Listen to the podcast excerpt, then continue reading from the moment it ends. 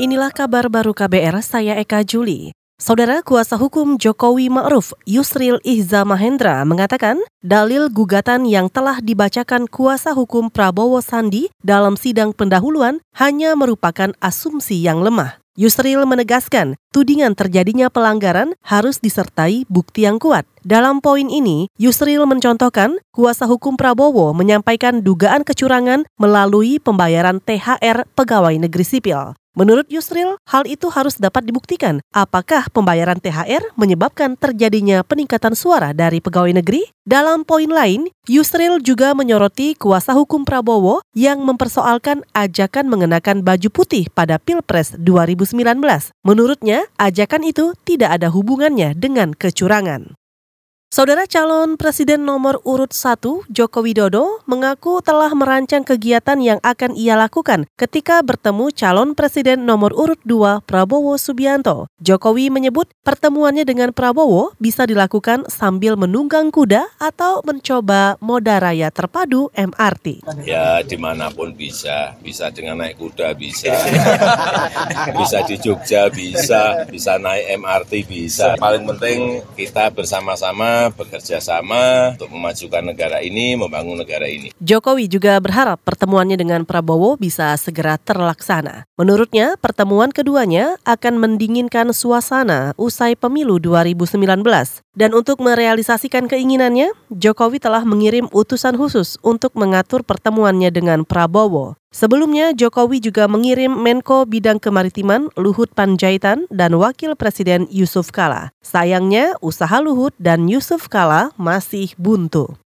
Saudara, pemerintah tengah mengkaji kebijakan pemblokiran iklan rokok di internet. Juru bicara Kementerian Komunikasi dan Informatika atau Kominfo, Ferdinando Setu mengatakan, lembaganya mendapat surat dari Menteri Kesehatan Nila F. Muluk kemarin siang. Dalam suratnya, Nila menganggap iklan rokok di internet berpengaruh pada peningkatan jumlah perokok. Menkominfo sudah saat ini melakukan konsolidasi secara internal, di mana langkah pertama yang dilakukan Menkominfo adalah meminta Direktorat Jenderal ASA melakukan crawling atau pengaisan terhadap konten-konten yang berupa iklan rokok yang ada di Juru bicara Kementerian Komunikasi dan Informasi Ferdinando Setu juga menegaskan secara hukum Kementerian Kominfo dapat melakukan pemblokiran iklan rokok atas permintaan Kementerian Kesehatan. Sebelumnya, Saudara, Menteri Kesehatan Nila Muluk menyatakan ada peningkatan jumlah perokok anak dan dewasa untuk usia 13 hingga 18 tahun. Nila Muluk menegaskan terjadi peningkatan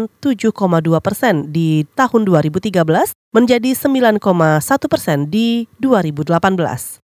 Saudara wilayah Teluk Saleh, Pulau Moyo, dan Gunung Tambora atau yang disebut kawasan Samota, Nusa Tenggara Barat akan diresmikan sebagai bagian dari jaringan dunia untuk cagar biosfer. Juru bicara pemerintah Provinsi Nusa Tenggara Barat, Najamuddin Ami, mengatakan peresmian cagar biosfer akan dilaksanakan oleh UNESCO dan digelar di kota Paris, Prancis pada 17 hingga 21 Juni 2019. Tugas kita di sana ada tiga. Pertama yang mendeklarasikan biosfer Samota itu ya sesuai dengan amanah yang disampaikan atau kepercayaan yang diberikan oleh PBB oleh UNESCO. Hadir juga saat itu bupati yang terkait dengan Samota yaitu Bupati Sumbawa, Bupati Dompu, Bupati Bima dan Wali Kota Bima. Nah, dari provinsi yang akan hadir Ibu Wakil Gubernur, mewakili Pak Gubernur dan Kepala Biro Humas saja Juru bicara pemerintah Provinsi Nusa Tenggara Barat Najamuddin Ami juga menambahkan, pemerintah provinsi memiliki sejumlah alasan untuk mendorong agar Samota dijadikan cagar biosfer. Salah satu alasannya adalah letaknya yang berada di antara bukit dan pegunungan yang di dalamnya terdapat berbagai flora dan fauna yang dilindungi.